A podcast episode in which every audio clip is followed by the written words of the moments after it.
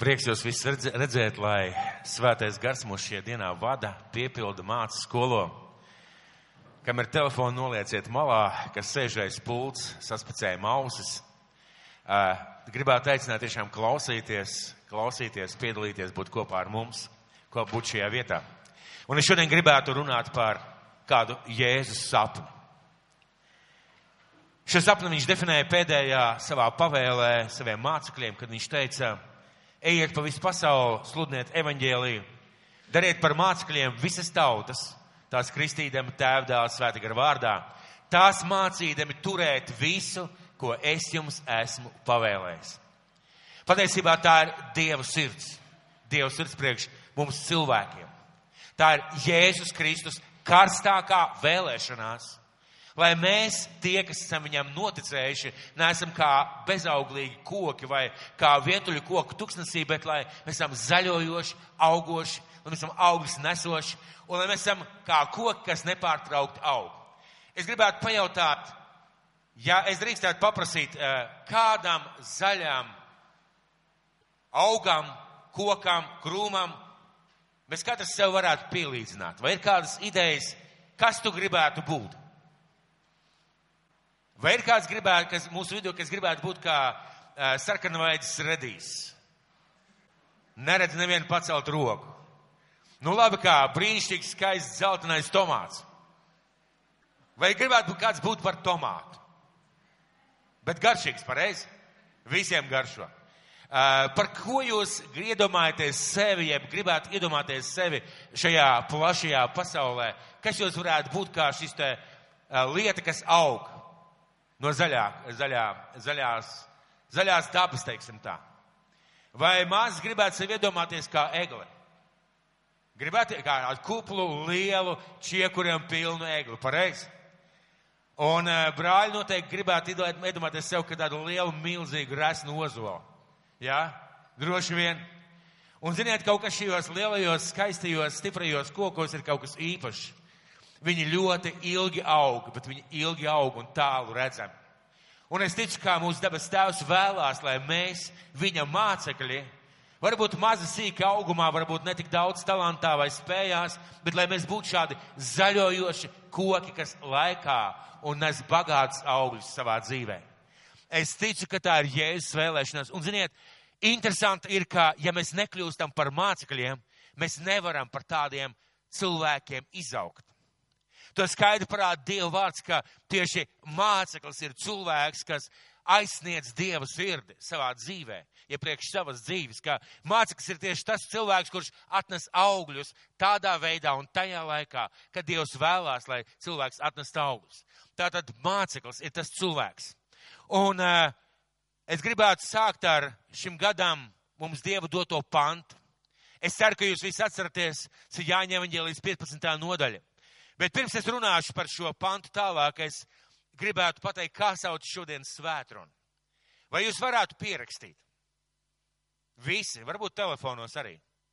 Un uh, svētrunas saucās Māceklis apzināti vēlas augt, māceklis apzināti vēlas augt. Tā arī pierakstiet. Māceklis apzināti vēlas augt, jeb nesēdi pēdējā rindā. Un tagad tie, kas sēž pēdējā rindā, noteikti jūtās slikti. Es atvainojos, tā tas nebija domāts. Jeb nesēdi pēdējā rindā. Un Jāņa evaņģēlijas 15. nodaļa, sākot ar 4., 5., 7. un 8. pants. Palieciet manī, un es jūsos. Kā zars nevar nest augļus no sevis, ja tas nepaliek pie vīna koka, tāpat arī jūs, ja nepaliekat manī. Es esmu vīna koks, jūs tie zari. Kas manī paliek, un es viņā, tas, tas nes daudz augļu, jo bez manis jūs nenieka nespējat. Ja jūs paliekat manī un mani vārdi paliek jūsos, jūs varēsiet lūgt, ko gribat, tas jums notiks. Ar to mans tēvs ir godāts celts, ka jūs nesat daudz augļu un topat par maniem mācekļiem. Ar to mans tēvs ir godāts celts, ka jūs nesat daudz augļu un topat par maniem mācekļiem. Un atkal parādās šis vārds māceklis. Jo tieši māceklis ir kā koks, kurš nes daudz augļu pareizā laikā, pareizā veidā un pareizā vietā. Tieši māceklis.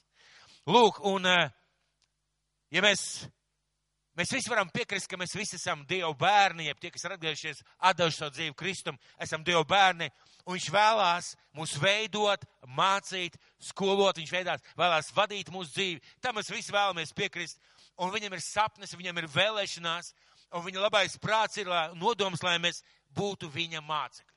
Viņš vēlās vadīt mūsu dzīvi, un viņa nodoms ir, lai mēs būtu viņa mācekļi. Lai mēs nodzīvotu bagātu, auglīgu, razī, ražīgu un spožu dzīvi. Tas ir Dieva nodoms, un mūsu nelaime ir, ka mēs, Dieva bērni, domājam, ka Dievs mūs ir aicinājis pelēcībai vai tādai pelēkai, neitrālai dzīvei. Patiesībā Dievs mūs ir aicinājis spožai, spilgtai un spēcīgai dzīvei.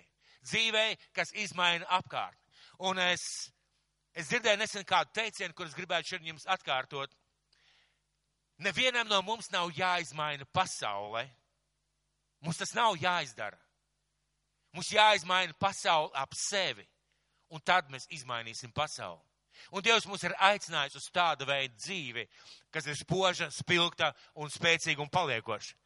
Bet, ziniet, šis vārds ļoti bieži paliek ārpus mums, ka mums ir jābūt mācekļiem, ka mums ir jāmaina pasaule. Un, ziniet, tāda vispārēja Dieva vārda sega. Tu tā kā pārvelc to sedziņu sev pāri un jūties labi.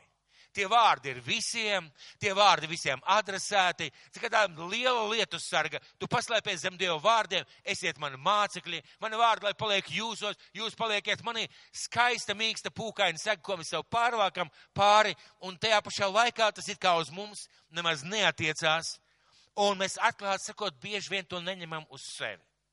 Nezinu, vai jūs to esat pamanījuši, es to esmu pamanījis. Bet visās tajās vietās, kur Jēzus runā, it kā visiem, it kā visiem arī šajā vietā, ko mēs lasījām, viņš ļoti konkrēti vēršas pie katra, kas klausās un kas lasa. Viņš ļoti konkrēti vēršas pie katra, kas klausās un kas lasa. Un kā būtu, ja mēs šo vietu lasītu tā? Kā būtu, ja mēs šo vietu lasītu tā? Paliec manī, un es tevī, kā zars nevar nest augļus no sevis, ja tas nepaliek pie vīna koka, tāpat arī tu, ja tu nepaliec manī. Es esmu vīna koks, tu tas zars. Kas manī paliek un es viņā, tas nes daudz augļu, jo bez manis tu nenieka nespēji darīt. Ja tu paliec manī un mani vārdi paliek tevī, tu varēsi lūgt, ko gribi, tas tev notiks. Ar to mans tēvs ir godā celts, ka tu nes daudz augļu un topi par manu mācekli. Ar to mans tēvs ir godā celts, ka tu nes daudz augļus un topi par manu mācekli. Un ziniet, kad mēs stāvēsim pie debesu vārtiem, man būs pilnīgi vienalga, ko teica sludinātājs Artūrs Simonjans. Man neko nepalīdzēs, ko teica mans bīskaps, kaut gan viņš labi sludina. Man neko nepalīdzēs, un tev neko nepalīdzēs, ko teica tavs mācītājs Jānis, jo tur nebūs varianta. Zini, Jānis man neiemācīja, Jānis man nepateica, Jānis man neparādīja. Svētais gars vai, vai jēzus jautās, vai tu biji mans māceklis? Vai tu man sekoji? Kāda bija tava dzīve?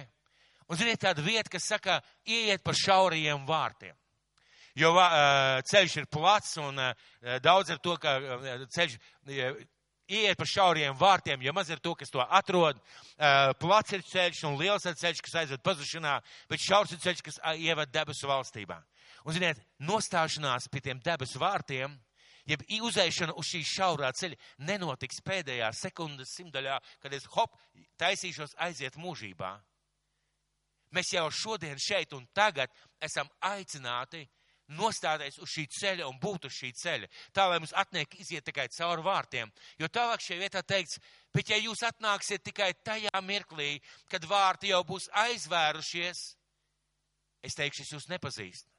Tas nozīmē, ka visi tie vārdi, kurus Jēzus mācīja un sludināja, ļoti konkrētā veidā attiecās uz mums katru personīgi. Mēs kā cilvēki esam gatavi visu runāt vispārīgi, bet līdz ko mums sāka, jāsāk runāt un analizēt sevi, mēs ļoti bieži kļūstam izvairīgi. Esat pamanījuši? Viegli runāt Dievu vārdu, stāstīt, liecināt, sludināt vai vēl kāds lietas, līdz ko tev jāsāk domāt par sevi, tu sāc tā kā norobežoties un par sevi tā kā negribās īsti domāt, salīdzināt, izvērtēt, bet tā ir milzīga kļūda. Jo patiesībā Jēzus visās vietās viņš teica, jūs, jūs, jūs, un bija domāts katram personīgi, kas tajā laikā dzirdējām, kad ir šodien. Un šie Jēzus vārdi pierāda mums katram personīgi, ka mums katram ir jāgrib būt māceklim. Ka mums katram no tiem, kas sēžam šajā zālē, ir jāgrib būt māceklim ir apzināti jāgrib palikt viņā, un ir apzināti jāgrib, lai viņa vārdi paliek mūsos. Jautājums ir, kā panākt, lai viņa vārdi palikti mūsos. Jebko darīt, jebko izdarīt. Un vēl viena lieta, kas ļoti skaidri apstiprina, ka manu personīgo atbildību Jēzus gribā manā dzīvē, manu personīgo atbildību Jēzus gribā manā dzīvē, vēstuli korintiešiem Trešā nodaļa, sākot ar 9. pantu, tātad vēstuli korintiešiem, trešā nodaļa, sākot ar 9. pantu. Jo mēs esam Dieva darba biedri, jūs esat Dieva aramais tīrums, Dieva celtne. Pēc Dieva dotās žēlastības es kā gudrs namdars liku pamatu, bet cits ceļ uz tā ēku. Bet katrs, lai pielūko, kā viņš to ceļ. Jo citu pamatu neviens nevar likt kā to, kas jau ir likts, proti Jēzus Kristus. Bet ja kas ceļ uz šī pamata zeltu, sudrabu, dārgakmeņus, koku, sienu vai salmus, katra darbs tiks redzams, tiesas diena to atklās, jo tā parādīsies ar uguni. Un kāds, kura darbs ir, to uguns pārbaudīs. Ja kāda darbs ko tas cēlis pastāvēs, tas dabūs augu. Ja kāda darbs sadegs, tam būs jācieš, bet viņš pats tiks izglābts, bet tā kā caur uguni. Un šis te svarīgākais vārds visā šajā lietā - katrs. Katrs, lai ceļ, katrs, lai skatās, kā viņš ceļ, katrs pats, lai izvērtē, kā viņš ceļ. Katrs svarīgākais vārds. Ne visi kopā, ne visi kopā, ne tāds nekonkrēts lietu sargs, bet ļoti asi it kā rādītāju pirkstu. Pāvils iebaksta mums krūtīs un saka, skaties, kā tu cel. Šis vārds iebaksta mums krūtīs, saka, skaties, kā tu cel savu namu. Pamats ir likts Jēzus Kristus. Bet katrs ceļ savas dzīves, jeb garīgo namu, un Pāvils šeit saka, svētais gars saka, skaties, kā tu cel skaties, kā tu cel. Jo nav tā, ka vienkārši tāda patīkama mīksta sedziņa vai lietus, dievu vārda lietus sargs, un mēs visi zem tā paslēpjamies. Pienāks diena, kad ik viens atbildēs par saviem darbiem, un mēs zinām, ka mūsu dabas tēvs ir mīlošs. Viņš ir piedodošs, bet viņš ļoti vēlās, lai mēs būtu viņa mācekļi, un mēs tiešām arī augtu. Tā ir viņa karstākā vēlēšanās. Ziniet, Mēs visi esam lielākā daļa mācījušies skolā. Un, kad mēs sēžam klasē, ienāk matemātikas skolotāji, vismaz mums bija konkrēta, ļoti stingra matemātikas skolotāja. Un skolotājs staigā pa, pa, pa, pa, pa, pa klasi vai priekšā, skatās žurnālu un saka tā, vai kāds uh, vēlētos atbildēt, nākt pie tāfels? Kāda ir reakcija? Jums visiem tā ir bijis? dabiski, pareizi. Bet tad seko, Jāni nāca pie tāfeles. Un redziet, tad jau vairs izvairīties nevar, pareizi. Tad jau tas, ko tu esi mācījies vai apgūs vai zini, tas parādās kā melns uz balta, vai ne? Kā melns uz balta. Un mums visiem patīk ļoti, ziniet, zin tādā, zin tādas garīgas širmītes. Dieva vārds, dievkalpojumi, esmu kristietis, piedaru draudzēji. Un tad Jēzus vienam ir, kas saka, nāc pie tāfeles. Paskatīsimies, kas ar tevi ir. Un, ziniet, tad nelīdz. Viņš, viņš ne, man skolotāji nepagūva, es nepagūvu izmācīties. Parasti tā atbildi, un viens cilvēks teica tā manā klasē, kur ir tavs mājas darbs? Mājās šūplādē palika. Un tas notika regulāri. Viņa bija pilna šūplāde ar mājas darbiem. Un pilna dienas grāmata ar divniekiem. Žēl, bet fakts. Un, ziniet, cilvēks, kurš apzināti grib uh, mācīties, uh, grib iet pie tāfeles. Ziniet, cilvēks, kurš apzināti grib mācīties, kurš pieliek pūles, lai mācītos, viņš grib iet pie tāfeles. Viņš grib piedzīvot izaicinājumus, viņš grib piedzīvot savu zināšanu pārbaudu, viņš grib piedzīvot lietas, eh, ko Dievs vēlās viņa dzīvē iedot. Viņš grib to piedzīvot. Sakiet, vai iet pie tāfeles ir ērti? Vai iet pie tāfeles ir ērti? Nu, sakiet godīgi. Nav pareizi. Vai viegli? Noteikti nav. Vai vienmēr veiksmīgi? Nē, protams, ka nē. Vai patīk? Nē. Bet, ziniet, cilvēks, kurš grib augt, kurš apzināti vēlās augt, kad pajautā, kurš gribētu atbildēt, ja tu esi gatavojies, protams, jo tu gribi augt, tu pacels roku, un pat ja tev neizdosies, pat ja tur būs kļūda, skolotājs tevi uzslavēs par ko? Par centību, pareizi. Un, ziniet, tava centība pamazām novedīs pie tā, ka tu sapratīsi, ka tu mācies, ka tev izdosies, kas sanāks tavā dzīvē. Tā tas ir vienmēr. Kas notiek, ja mēs sēžam pirmajā rindā uh, skolā? Daniela, tu esi speciālists, tu esi skolotāji. Kas notiek ar bērnu, ja viņš sēž pirmajā rindā skolā? Kur viss cenšas nosēsties? Pirmajā rindā. Kāpēc? Tev ir tik labi bērni, kāpēc viņi sēžās pēdējā rindā? Kas notiek ar cilvēkiem, ja viņš sēž pirmajā rindā? Viņš labāk redz stāveli, tas ir viens, jā. Otrs, viņš ir skolotāja acīs, viņam bieži nākās atbildēt, skolotājs redz, ko viņš dara pareizi. Bet ziniet, kas ir interesanti, tieši tādi bērni ļoti bieži aug. Un arī vajadzīgi, un jo mazāks tev zināšanas, jo varbūt grūtāk tev iet, loģiski būtu sēsties tuvāk skolotājiem, lai labāk augt, lai labāk audu. Kāpēc sēž cilvēki pēdējās rindās, lai būtu nepamanāmi, lai būtu anonīmi, lai būtu tāda mierīgāka dzīve? Kāpēc cilvēki baznīcā sēž pēdējās rindās? Viens iemesls atnāca ar nokavēšanos, negribēja citus traucēt. Bet uh, parasti pēdējās rindās cilvēks sēž kāpēc? Es negribu būt redzams, piedodiet, ja kādu tas uzrunā. Es vēlos palikt tā kā anonīms. Es vēlos tā kā īpaši tā kā, nu, nebūt tāds redzams, uh, lai mierīgāk dzīvot. Un kad mācītājs šādā veidā runā, tad tā atbilde var būt mācītāji. Bet es noticēju Jēzum Kristum, es pieņēmu viņu kā savu kungu, savu glābēju, uh, jo es gribu mierīgi dzīvot. Es gribu mierīgi iet uz baznīcu, mierīgi noskatīties dievkalpojumu, mierīgi aiziet mājās, mierīgi piedzīvot kaut ko, kaut ko saņemt. Ziniet, nesēdiet ne fiziski, ne garīgi pēdējā rindā. Mums visiem gribās sēdēt pēdējā rindā, bet ja mēs apzināti vēlamies augt, nesēžties pēdējā rindā. Nesēžties, ja tu vēlies augt, sēdies pirmajā rindā. Un kāds noteikti centīsies man oponēt. Es piekrītu, ka varbūt nevienmēr ir ērti sēdēt pēdējā rindā, pirmajā rindā, bet cenšties sēsties pirmajās rindās. Tad mums būs jāpagaida, kad atnāk pravietis un pienāk pie kāda, kas sēž pēdējā rindā, brāl vai māsa, virzies uz priekšu. Jūs priekšā stāv pravietis, kas saka, nu nāciet uz priekšu. Jūs esat to pelnījuši. Vai kāds piecelsies, nāks uz priekšu? Mēs teiksim, nē, nē, es neesmu pelnījis, jā, es neesmu pelnījis. Redziet, ja mēs gribam garīgi augt, mums garīgi jāpieņem lēmums, ka, ne, ka mums nevajadzētu sēdēt pēdējā rindā, ne garīgi, ne arī fiziski. Nākt uz priekšu sēdēt pirmajās rindās.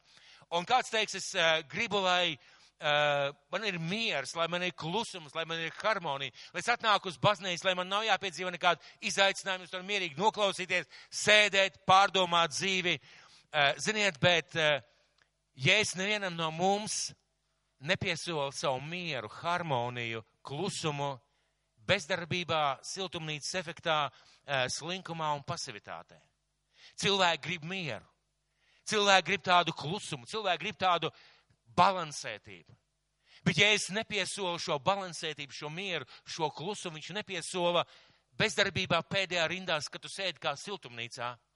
Viņš piesola savu klātbūtni, savu šo mieru, klusumu un harmoniju ar savu klātbūtni tavā dzīvē kad tu esi viņu māceklis, kad viņš ir kopā ar tevi tavās grūtībās un problēmās, kad viņš ved tevi cauri lietām, kuras viņš ir paredzējis tavā dzīvē. Un tajā mirklī, pat ja apkārt ir vētra, viņš sola, tev būs miers, jo es esmu ar tevi. Mēs dzīvojam sabojātā pasaulē, mēs dzīvojam ļoti raibā pasaulē. Un, ziniet, ja mēs gribam augt, ja mēs gribam tiešām e, mainīties, mēs nevaram sēdēt pēdējā rindā. Mums ir jābūt pirmajā rindā un jāmācās un jādomā, kā mums mācīties. Viņam ir uzdevumi mūsu dzīvē, un viņš vēlās mūs vest caur šiem uzdevumiem. Viņš vēlās mūs vest plašākā, lielākā, nozīmīgākā dzīvē, nekā mēs esam. Un nepavēlt viņš teica, kas grib man nākt pakaļ. Tas, lai aizliedz pats sevi, lai ņem savu krustu un staigā man pakaļ. Sakiet, vai Jēzus mums iet pa priekšu tādā klusā, skaistā, saulainā, mierīgā vakarā pludmalē pie jūras. Vai tā izskatās mūsu dzīve?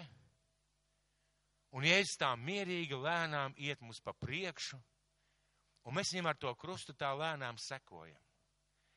Vai tāda izskatās mūsu dzīve? Kādam ir tāda dzīve? Protams, mēs tādus mirkļus piedzīvojam jūras krastā, bet vai tāda izskatās mūsu dzīve?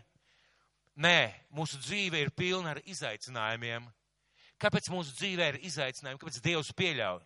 Jo pirmkārt, mēs dzīvojam grēkā grimušā pasaulē. Otrām kārtām, Dievs pieļauj, lai mēs garīgi augtu un lai mēs savu dzīve, savā dzīvē nestu augļus.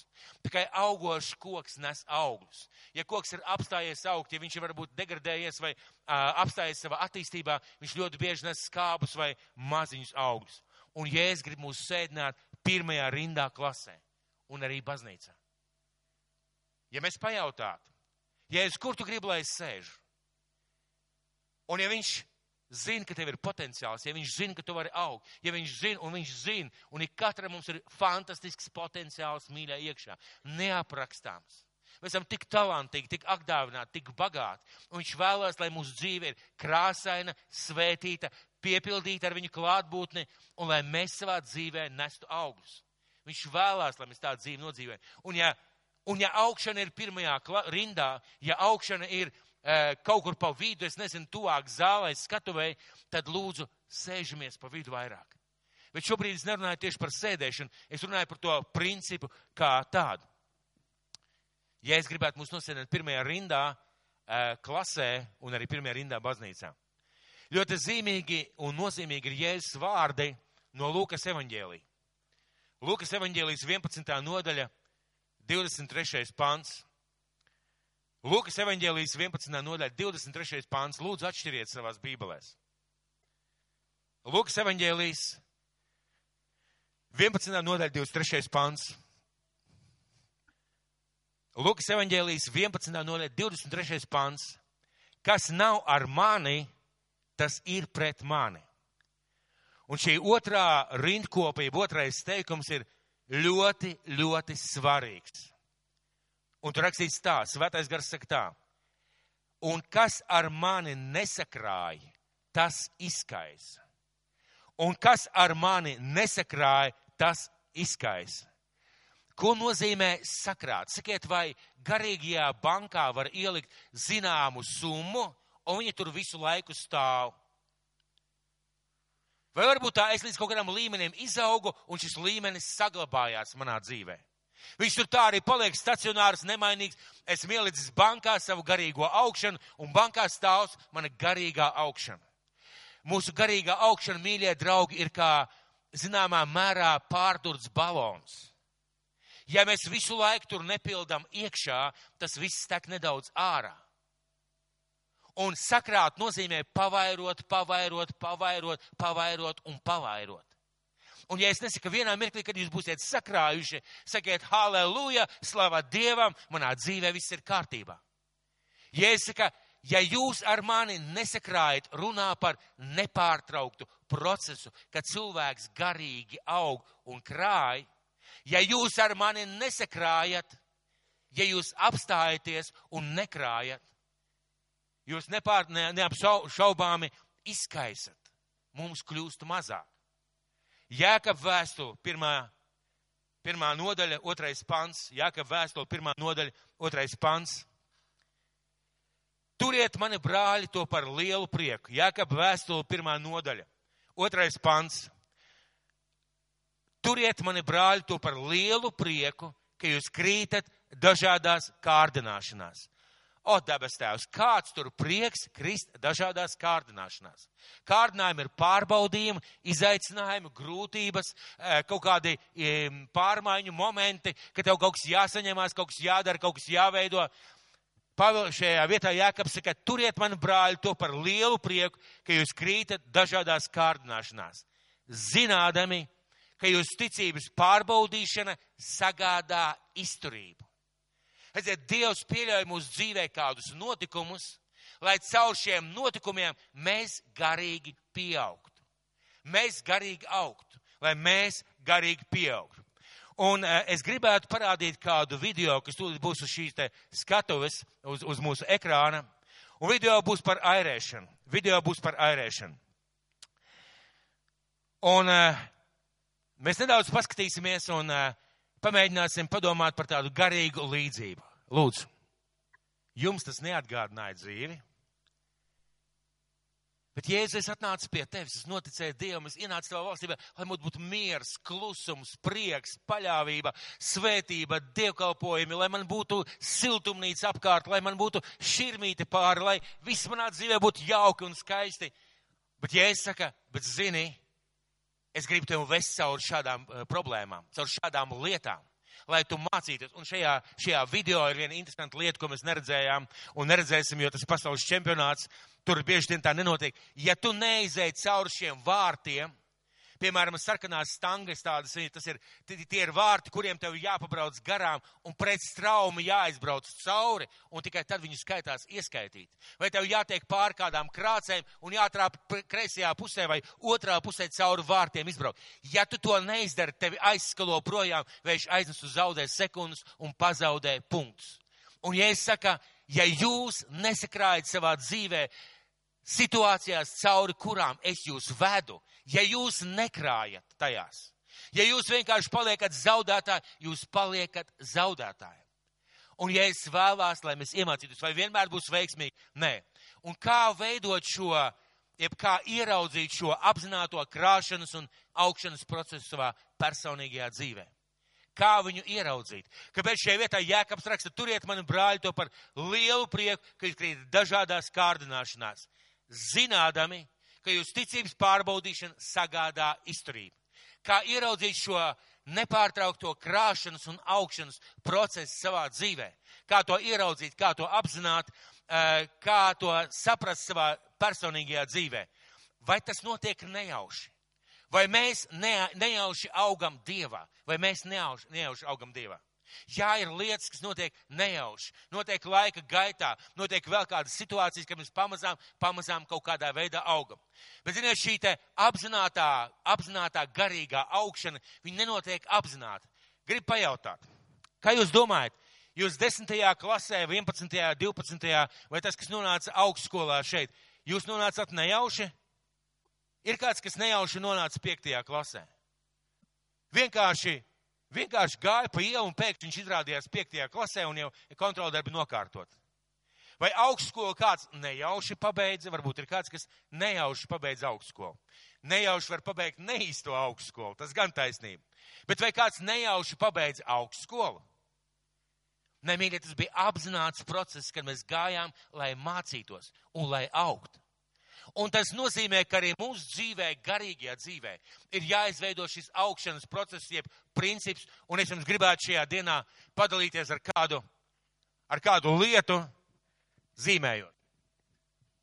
Ja kāds nezina, tā ir tāfela. Tāfela izmanto skolā. pareizi? Tāfeli izmanto skolā. Kāpēc viņi izmanto? Lai augtu, lai parādītu. Tad lūk, eh, mēs dzīvojam savu dzīvi laikā. Mēs dzīvojam savu dzīvi laikā. Ik viena cilvēka dzīve ir ietērpta laikā, laika periodā. Mūsu dzīve norit laikā. Un uh, grieķu valodā, jeb uh, grieķu valodā, kurā uzrakstīta jaunā derība, ir lietoti divi vārdi, kas apzīmē laiku. Divi vārdi. Un tas nav tā nejaušām, acīm redzot, Dievs liek mums saprast, ka laiku uz laiku mēs varam skatīties ļoti dažādi. Lūk, un pirmais vārds ir chronos. Chronos.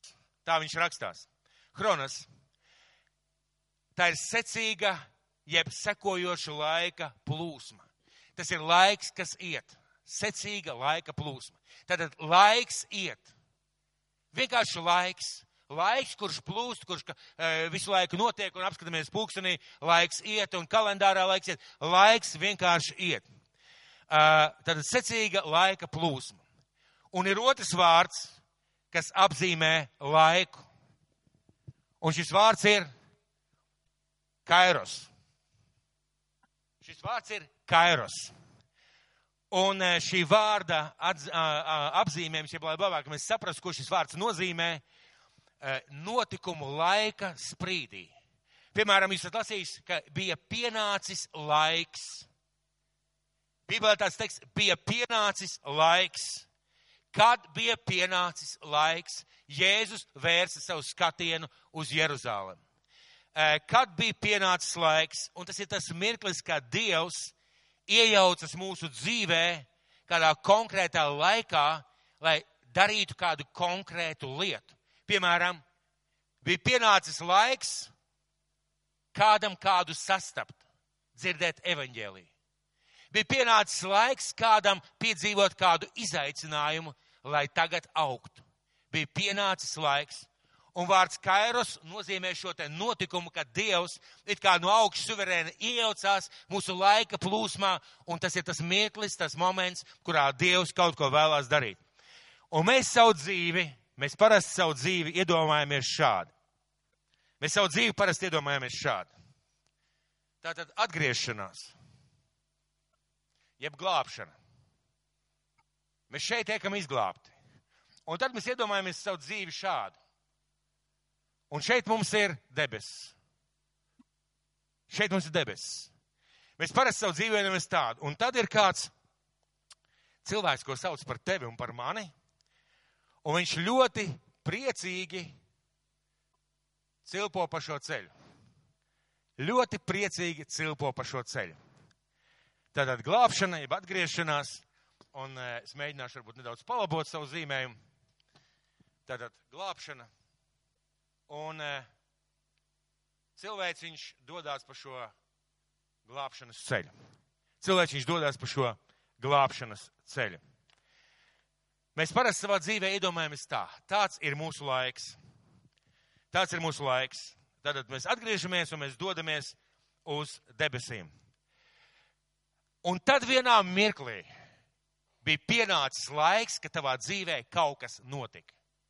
Pieņemsim, kāds cilvēks tev kaut ko pateica, pārmeta. Tu vinēji loterijā, tevi atlaida no darba. Tev notika mašīnā negadījums vai, vai kaut kas cits tavā dzīvē notika tāds, kurā mirklī Dievs ienāca tavā dzīvē ar šo kairas momentu. Dievs ienāca tavā dzīvē ar šo kairas momentu. Un eh, jāsaprot, ka šie kairas mirkļi, ja tā varētu teikt, eh, viņi var būt pozitīvi. Piemēram, tu vinnēji loterijā. Tu vinnēji loterijā. Eh, tev parādījās pēkšņi kāds cilvēks, kurš ir gatavs tevi atbalstīt. Pie tavā dzīvē ienāca kaimiņš, kurš ir tev brīnišķīgs kaimiņš, kolosāls cilvēks, tev palika vieglāk dzīvot. Tev parādījās kāds cilvēks, kas tev par svētību vai tev paaugstināja darbā vai tev e, iedeva algas pielikumu. Pozitīvs mirklis. Šis kairos mirklis var būt arī negatīvs. Mēs pazaudējam kādu cilvēku, mūs atlaiž no darba, mums ietriecās mašīnā aizmugurē, visādas lietas var notikt. Var gan pozitīvs, gan negatīvs. Un, eh, bet tieši šie mirkļi, mīļie draugi, tagad skatieties, tieši šie kairos mirkļi ir tie, kuros mums ir iespēja mainīties, ja mēs pareizi uz viņiem skatāmies un pareizi pie viņiem pieejam. Pareizi skatāmies un pareizi pie viņiem. Tieši šie kairus mirkļi. Tajā mirklī, kad nekas nenotiek, pilnīgi nekas, mēs domājam, ka mēs augam. Mēs varbūt arī augam nedaudz, nevar noliekt neapšaubām, bet tieši šie te pārbaudījuma mirkļi, jeb kā rakstīts, turiet to par lielu prieku, tie ir tie mirkļi, kad mūsu dzīvē ir iespējamas izmaiņas, jeb pārmaiņas. Tā var būt slimība, tas var būt slikts gadījums, tas var būt labs gadījums tieši šajā mirklī. Un ziniet, uz šo mirkli var reaģēt ļoti dažādi. Tu vari vienkārši turpināt iet, nepievērst uzmanību. Jā, notika labs, notika slikts, nedaudz pārdzīvoju un es eju tālāk. Mēs varam ignorēt un varam neievērot. Cilvēks var apstāties un šajā mirklī arī palikt. Piemēram, wow, kā es 2001. gadā atgriezos pie Dieva. Halleluja, slavu Dievam! Toreiz tas tik bija laiks, toreiz tas tā notika. Ko Dievs šodien dara tavā dzīvē? Nu, bet toreiz, toreiz, toreiz, tād, tād, tād, tād, tād. Cilvēks apstājās tajā mirklī. Arī sliktie mirkļi mūsu dzīvē mūs var apstādināt aiziet kāds cilvēks mūžībā, kaut kas notiek, un mēs iestrēgstam šajā mirklī. Un kas ir interesanti, mēs nedomājam par pārmaiņām, nedomājam, ko tas mums māca, nedomājam, kā iziet no tā, mēs varam palikt tajā mirklī. Un mēs varam doties arī atpakaļ. Kaut kas labs vai slikts notiek, mēs varam doties atpakaļ, it kā uz glābšanas mirkli un palikt, palikt tur tajā vietā. Bet, ziniet, bet mēs varam ieiet tādā kā saucamajā mācīšanās aplī. Mēs varam iet tādā kā, sauks viņu par mācīšanas apli, mācīšanās aplis. Un šajā aplī ir divas daļas. Jūs zīmējat? Es varu garantēt, ka jūs aizmirsīsiet, tā, ka jūs neuzbūsiet uzzīmējuši. Mēs šeit runājam par mācīšanos, pareizi? Vai es kļūdos? Es kļūdos, jā? Ja? Uzzīmējiet šādu apli. Un šis ir šis te kairus mirklis. Un redziet, kaut kas notiek mūsu dzīvē kaut kas notiek manā personīgajā dzīvē.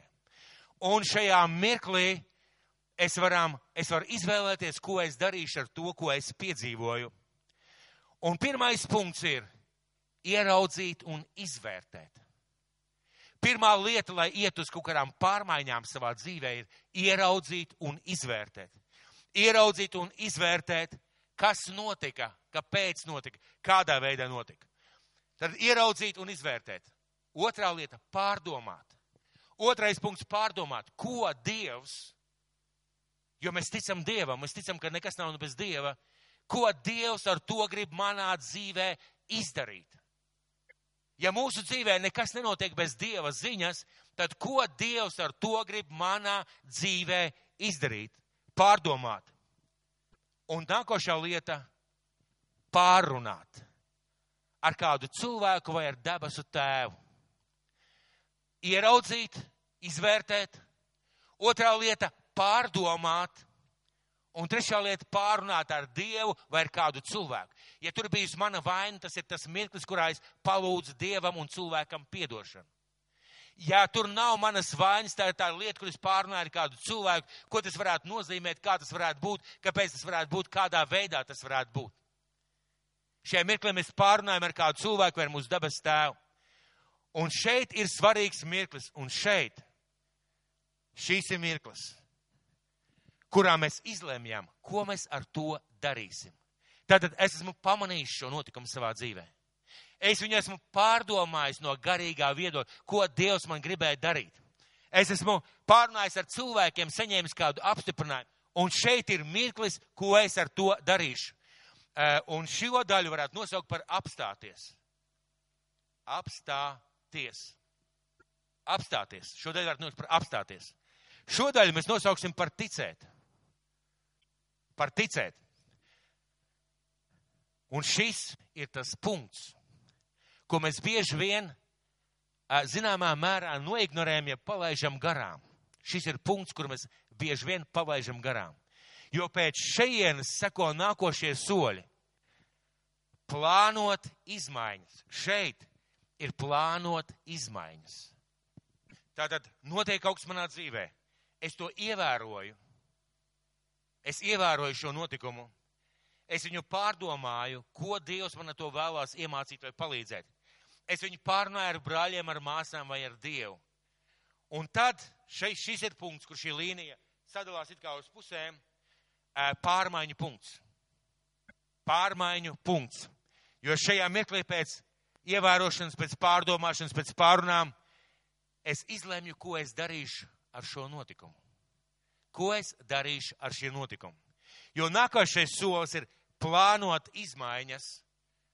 Šeit ir būt atbildīgam, būt atbildīgam, un šeit ir darīt. Šeit ir darīt. Šeit ir darīt. Vēlreiz paskaidrošu. Pieņemsim, pieņemsim, jums uzdāvināja, jums uzdāvināja mašīnu. Kāds cilvēks jums bija vajadzīga mašīna, jums uzdāvināja mašīnu. Jūs varat pieņemt to un vispār nepārdomāt, nedomāt, kāpēc tas tā notika. Bet svētais Dievs no augšienes iejaucās jūsu laika plūsmā, ieliks šo notikumu jūsu dzīvē un ir gudri ievērot šo notikumu, kas šis notikums ir bijis. Pārdomāt, ko Dievs ar to vēlās man iemācīt, palīdzēt saprast, vai ko viņš man parāda, pārunāt ar kādu cilvēku. Un šeit ir plānot izmaiņas. Ko tas nozīmē plānot izmaiņas savā dzīvē? Plānot, ko es ar to mašīnu darīšu. Plānot, kā es varētu darīt tāpat kā tie cilvēki. Šajā vietā ir būt atbildīgam, uzņemties atbildību, spēt šo soli un pēdējais ir darīt. Piemēram, jūs atlaiž no darba. Tas ir briesmīgs, kairos moments, ja tā varētu teikt, mūsu dzīvē. Vai jūs saslimstat, tad pieņemsim atlaižas no darba. Ļoti populāra situācija šodien. Mēs varam skumt, mēs varam bēdāties, mēs varam doties uz nākušo darbu un atkal iet šo riteni un tam līdzīgi un tam līdzīgi, bet mēs varam apstāties un ievērot mani atlaidi no darba. Dievs, kāpēc tu to pieļāvi? un tad kopā ar Svēto garu pārdomāt, kā tas tā varēja notikt. Ko Dievs ar to gribēja man pateikt, parādīt. Tad es pārnāju ar kādu cilvēku, un es plānoju izmaiņas, es nepalieku turpat, es plānoju izmaiņas, kā es turpmāk strādāšu, ko es turpmāk darīšu, kādā veidā es izturēšos pret savu dzīvi un pret savu darba vietu, jo varbūt jūs atlaidat vienkārši neuzmanības vai, vai, vai nezinu, teiksim, nerūpības dēļ. Jūs pieņemat lēmumu izmainīties, un jūs sākat darīt. Jūs sūtat jaunu CV, un jūs sākat darīt, jūs dabūjat jaunu darbu. Un kas notiek šajā mirklī, mīļie draugi? Pēc šī mācīšanās riņķi, ja tā varētu teikt, jūs izējat, jūs izējat no šī riņķa ārā. Kāds? Maziņš, lielāks, izaudzis Jūs kaut ko šajā notikumā iemācījāties. Jūs šajā notikumā kaut ko sapratāt, jūs izdarījāt secinājumus. Jūs kaut ko piedzīvojat un izdarījāt secinājumus. Dievs ienāca jūsu dzīvē, jūs izgājat šo apli, lai mācītos apzināt. Izdarījāt secinājumus, izgājat lielāk. Un ziniet, kas notiek? Patiesībā šie mirkļi, kad Dievs iejaucās mūsu dzīvē, viņi notiek nepārtraukti. Un katru reizi, katru reizi, kad mēs izējam šo apli, kad mēs pieņemam lēmumu mācīties no tā notikuma, izanalizēt un mācīties, mēs katru reizi izējot ārā, paliekam garīgi lielāki, lielāki un lielāki. Un to sauc par garīgu augšanu. Jo mēs neaugam vienkārši citējot Bībeles pantus. Mēs neaugam vienkārši sēžot zālē, baznīcā. Mēs augam izjūt cauri kādiem notikumiem mūsu dzīvē un notikumu laikā pieņemot lēmumu, kā mēs reaģēsim, ko mēs darīsim, kādā veidā mēs dzīvosim. Es pagājušajā dievkalpojumā liecināju par brīnumu. Mīļā, mana ticība ir izaugusi Dieva vārdam. Es noticēju tam brīnumam, ka tas brīnums ir iespējams. Es uh, ievēroju šo situāciju, ko Dievs uz mani runāja. Es pārdomāju viņu, es pārunāju ar kādiem cilvēkiem arī. Es plānoju šīs izmaiņas, es pieņēmu lēmumu būt atbildīgam arī to, kas man nepatika, un es darīju. Un tagad, mīļie draugi, ir noticis brīnums. Reāls brīnums manā dzīvē. Kāpēc? Jo es nevis vienkārši darīju, es izvērtēju, un tagad es vērtēju Dieva suverenitāti un varenību augstāk, plašāk, dziļāk. es esmu audzis.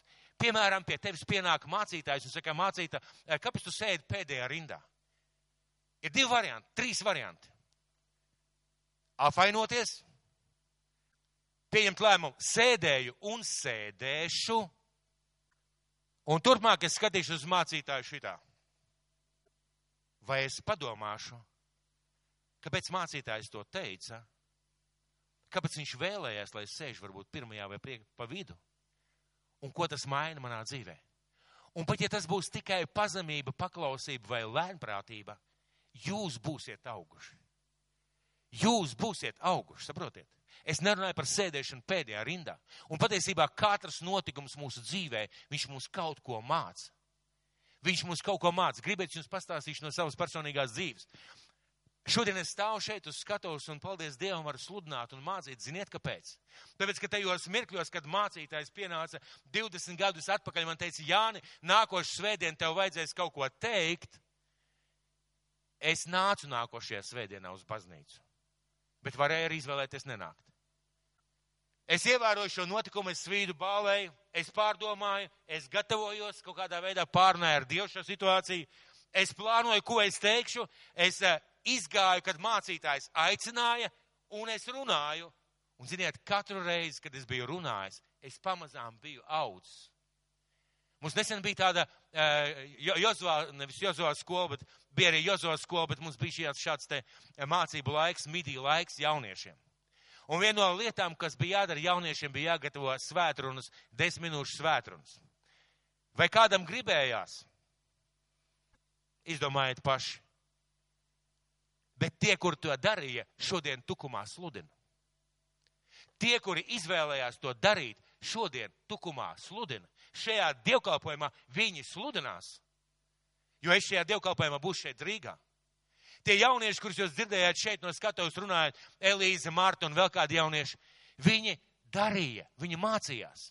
Un mēs sakām, vau, kā mūsu jaunieši runā, slava Dievam, viņš izmantoja šo mirkli, un mīļie draugi, mūsu dzīve ir pilna ar šādiem notikumiem, pilna ar šādiem notikumiem, un mēs varam mācīties un mēs varam augt. Tas ir tas, par ko Jēzus runāja. Viņš saviem mācekļiem dod kādus uzdevumus, viņš liek viņiem kaut ko darīt, viņi iziet šo apli viņi ir auguši, viņi ir veidojušies, viņi ir mācījušies. Tas ir tas, kā Jēzus mācīja savus mācekļus, tas ir tas, kā Dievs, kā Jēzus Kristus, kurš pateica, es būšu ar tevi līdz pasaules galam, šodien mūs māca. Nekas, mīļie, nav mainījies. Bet ir viena lieta, ko es jums gribētu pateikt, vēlreiz atgādināt. Kad es nonāku šajā mirklī, ja tas ir negatīvs notikums, es varu sākt sevi žēlot un teikt, ak, kā es esmu sāpināts. Apvainoties uz visu pasauli, uz cilvēkiem, uz sevi, uz apkārtni, uz Dievu, uz visiem. Bet es varu pieņemt šo te mācīšanās apli un iet viņam cauri un mācīties. Otra lieta, es varu neievērot. Es jau teicu, vienkārši palaist garām. Bet kas ir interesanti? Piemēram, ja jūsu dzīvē ir problēma ar augšanu, ar garīgu augšanu, vai problēma ar, ar, ar pazemību, vai problēmas ar cilvēkiem, vai attiecībās ar cilvēkiem, ziniet, kas notiks? Dievs jūsu dzīvē nepārtraukti iejauksies, un jūs iesiet un iesiet un iesiet un iesiet, Ja jūs neiziesiet šos sešus soļus, ja tā varētu teikt, un neiziesiet kā pieaudzis, jūs visu laiku nonāksiet tādā situācijā. Ir cilvēki, kas saka, kas man kaiš? Kāpēc neviens mani nemīl? Kas man kaiš? Kāpēc neviens mani neklausās? Kas man kaiš? Kāpēc man nekad nekas neizdodas? Kas man kaiš? Kāpēc man nekad nekas nesanāk? No tiem notikumiem, kurus tu piedzīvoji savā dzīvē, tu neesi mācījies, tu neesi audzis tu neesi pielicis pūles, lai kopā ar Dievu augtu. Un eh, šīs baznīcas vēsturē bijuši dažādi laiki. Dažādi laiki. Un paldies Dievam, es šajā draudzē esmu jau laikam 28 gadus. Un ziniet, es esmu redzējis cilvēkus, kuri nepārtraukt iet uz šo, pa šo apli, bet ir šausmīgi apmierināti ar savu dzīvi. Šausmīgi apmierināti ar savu dzīvi, jo viņš ir kristietis. Un esmu redzējis cilvēkus, kas šādā veidā pat varbūt neapzināti ir analizējuši savu dzīvi, notikumus savā dzīvē un ir auguši. Un ir tiešām auguši. Liela daļa no viņiem jau ir mūžībā, jo tas bija drusku savādāks laiks baznīcā. Tas bija pārmaiņu laiks, tas bija grūts laiks. Un ziniet, kas ir vēl viena interesanta lieta? Mēs augam šajās lietās, un ziniet, kas notiek? Mēs krājam mantu sev debesīs. Piemēram, mums tuvojās viens ļoti specifisks kairos smirklis, jeb dieva iejaukšanās mirklis nākošajā nedēļā. Kā jūs domājat, kas tas varētu būt? Krēslu nojaukšana. Veco krēslu nojaukšana. Un atkal ir mana izvēle. Vai es tajā piedalīšos, vai nē? Vai es uzņemšos atbildību, vai nē? Vai es sapratīšu, ka Dievs uz mani kaut kādā veidā runā, lai es krātu mantu debesīs, vai nē? Tā būs mana izvēle. Šodien pēc dievkalpojuma mums būs GLS lekcija. Ja kāds nezin, tad pasaules, vieni no pasaules labākajiem draudžu, baznīcu, kristīgu organizāciju vadītājiem runās par to, kā vadīt cilvēkus, kā palīdzēt cilvēkiem augt, kā ieguldīties cilvēkos, kā veidot veiksmīgas, spēcīgas, pasauli izmainošas komandas. Un, ir, un tas ir, manuprāt, šis te mirklis, šis te kairos mirklis mūsu draudzes dzīvē kalpošanu vadītājiem. Un atkal es varu izvēlēties, es palieku uz šīm mācībām, klausos šo lekciju, analizēju, domāju, vai es aizēju vienkārši mājās vai es aizēju vienkārši mājās. Jautājums, ko es ar to izdarīšu?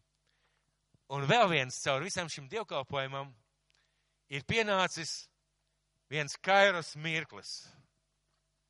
Un ziniet, kas tas ir par kairos mirkli? Vai kāds var izlasīt, kas tur rakstīts? Šīs dievkalpojumas. Ko jūs ar šo dievkalpojumu darīsiet, mīļie? Nu, ko mēs tagad darīsim ar šitiem te apļiem, ar šitām lietām? Mēs noteikti varētu pateikt, nebija garīgi. Jo nebija 17 bībeles panti, 3 lūkšanas, 7 aizlūkšanas, un nebija beigās svētību vārdi, un krusts netika pārmests. Bet varbūt, es varētu padomāt, varbūt tas kaut kādā veidā attiecās uz manu dzīvi. Jo, manuprāt, es šodien kaut kā nelaipoju, es tā teicu diezgan tieši, ceļš par pēdējām rindām, pareizi? Padomāsim par to. Un es gribētu jūs izaicināt. Ja es bieži savus mācekļus izaicināju ar dažādiem uzdevumiem vai jautājumiem, un es jūs gribētu izaicināt par nākošo nedēļu. Vai jūs nākošajā nedēļā nevēlētos, es gribētu jūs pamudināt, mēģināt noķert šo mirkli, kad Dievs kaut kādā veidā uz jums runā. Kaut arī vienkārši ar kādu cilvēku, ko jūs satiekat pieturā braucot uz darbu, un jums ir sajūta, man vajadzētu ar viņu aprunāties. Vai jums ir darbā kāda situācija, kur jums jārunā cilvēkiem, jāpieņem kāds atbildīgs lēmums? Vai, piemēram, mums būs šī krēslu novākšana un ir izvēle nākt vai nenākt? Es gribētu jūs aicināt šajā nākošajā nedēļā padomāt par šiem te sešiem soļiem, ja par šo te augšanas apli un vienkārši paņemt kādu notikumu savā dzīvē un izvērtēt, pārdomāt un izvērtēt. Un es ticu, ka svētais gars jums palīdzēs augt. Un nākušajā svētdienā es gribu, gribu aic, gribētu jūs aicināt nāk šeit dalīties ar liecībām. Man ir patiesi žēl, ja kāds cilvēks nepierakstīja. Un varbūt viņš jūtās vinnējis, ne, neiztērēja pilspaugu, neiztērēja laiku, bet es domāju, ka kaut kas tika palaists garām. Lai debes tēvs mūs svētī, lai debes tēvs mūs šajā nedēļā svētī. Un tas ir tas, kā Kristus mācīja savus mācekļus. Tas ir tas, kā mēs augam, tas ir tas, kā mēs mainamies, tas ir tas, kā mēs piedzīvojam kaut kādas lietas savā dzīvē. Lai debes tēvs mūs svētī. Un šis te, un šīs mācīšanās process, viņš ir starp mani un Dievu. Kas ir ļoti svarīgi. Man nevajag iet pie savas sievas un stāstīt, zini, man kaimiņš, man, man baznīcā viens uzkāpa uz kājas. Es pamanīju šo mirkli, es pārdomāju, tā bija cieņa vai necieņa, vai tas bija netīšām. Tad es pārnāju ar to cilvēku, un tad es pieņēmu lēmumu pats tā nedarīt, un tad es gāju tam cilvēkam atvainoties. Es domāju, ka tas nav vajadzīgs, bet pārdomājiet paši sevi iekšā. un lai svētais gars runā uz mums ikvienu.